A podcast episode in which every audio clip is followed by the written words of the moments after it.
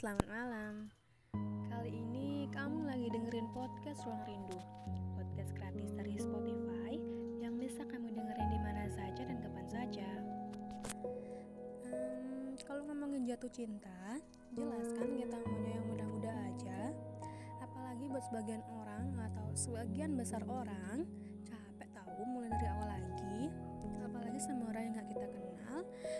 sama orang yang baru-baru ini deket sama kita. um, rasanya tuh kayak lagi naik angkutan umum terus tuh ada orang yang duduk di sebelah kita ngajak ngobrol. Padahal mah aslinya kita lagi pengen diem dan cuma dengerin lagu aja gitu. Ya pasti bakal ditanya mau ke mana dek? Sekolah di mana? Lalu kemudian ya bercerita tentang hidupnya yang begitu jauh sekali dari jangkauan kita. Memulai dari awal sama orang baru adalah jatuh cinta paling membosankan sekaligus paling susah kan? Ya mungkin susah kali ya karena kita harus mulai intro dulu gitu. Semacam pendekatan yang nggak bakal ada ujungnya. Terus bercerita banyak hal sampai lupa batas privasi di mana. Harus merasa jaim karena khawatir ada sifat kita yang nggak dia suka begitupun sebaliknya.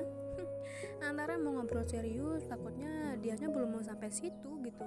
Tapi kalau ngobrol intensif dan itu itu aja rasanya juga buat apa kan? Kayak bilang tak udah makan belum?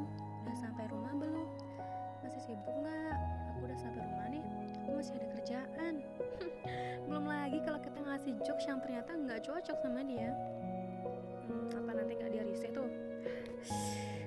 Dan lebih parahnya lagi kalau dia lebih dekat sama orang lain dan kita tuh ngerasa kayak ah susah banget dijelasinnya. Semacam ada kecemburuan tapi nggak berhak untuk diungkapkan ya istilahnya sih kamu siapanya? Ya dan pada akhirnya kita bakal tutupin itu semua dengan ngeledek kalau dia lagi deket sama orang lain. Nggak balas WhatsApp dikit kita pantau terus lasinnya sampai kita stalking tuh ke Instagramnya. Atau nggak balas WhatsApp kita malah overthinking sendiri padahal nggak ada hubungan apa pun yang mengikat. Itu tuh kayak OMG tuh annoying banget nggak sih? Maksudnya tuh kayak um, bentuk perhatian kan nggak harus kayak gitu kan hansip sih. Dikit-dikit ditanyain karena makin dewasa kamu akan makin ngerti deh betapa malasnya kalau kamu punya hubungan yang nggak jelas. Kalau untuk melampiaskan rasa bosan mending jangan ganggu orang lain deh. Beda lagi kan kalau memang kamu mencari topik pembicaraan biar chat itu lancar dan nggak putus tengah jalan. Bukannya nanti dia jadi suka ilfil ya?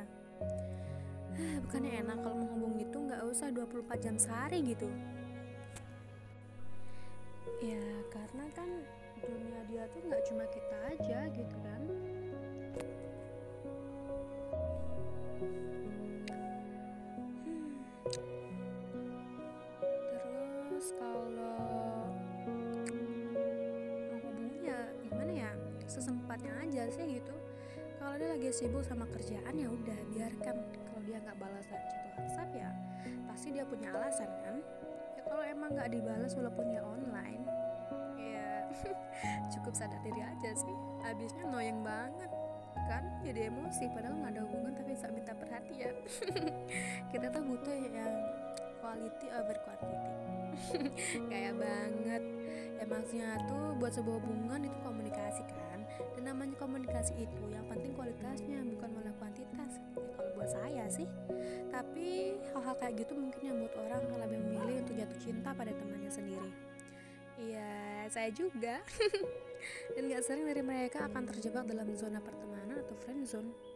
Ya walaupun yang suka cuma salah satunya, tapi satunya biasa aja. Ya gimana, namanya juga perasaan.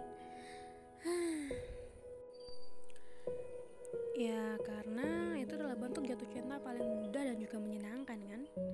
Ya kan? Iyalah, jatuh cinta pada teman yang bahkan dalam mimpi pun rasanya sulit banget untuk digapai dengan kita menghabiskan banyak waktu sama seseorang yang kalau sama dia tuh kita nggak perlu jaim kita bisa cerita, nangis, sedih, galau semua emosi yang kita rasa bisa kita keluarkan saat sama dia yang pasti nggak perlu untuk merasa takut untuk cerita hal-hal yang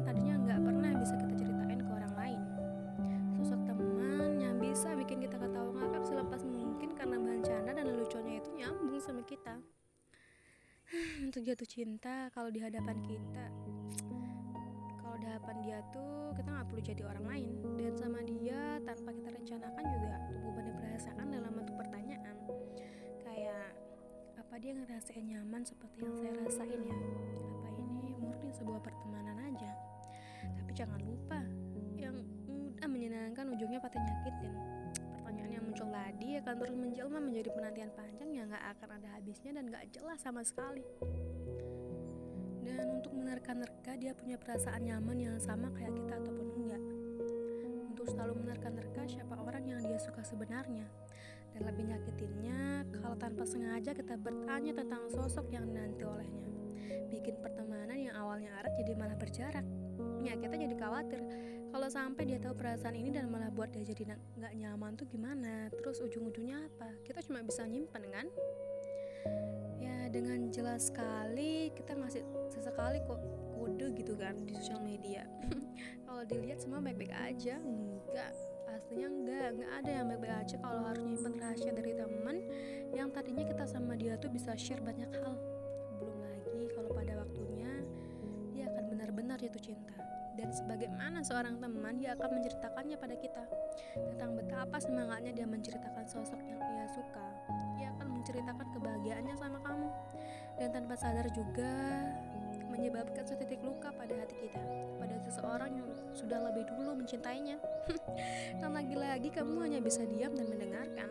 Mendengarkan orang yang kamu cintai kini mencintai orang lain. Orang yang selalu mendengarkan keluh kesahmu ini punya prioritas yang baru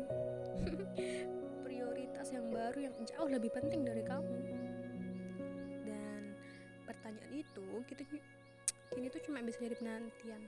Sisa penantian yang kemudian memalasamu untuk berhenti berharap. Bukan karena semua akan menjadi sia-sia tapi memang jika semakin dipelihara maka, maka kamu akan semakin merasa kehilangan. Dan ya, bahwa seharusnya nggak boleh ada yang lebih dari kata teman. Dan nggak selalu bisa berhasil sama siap orang kan?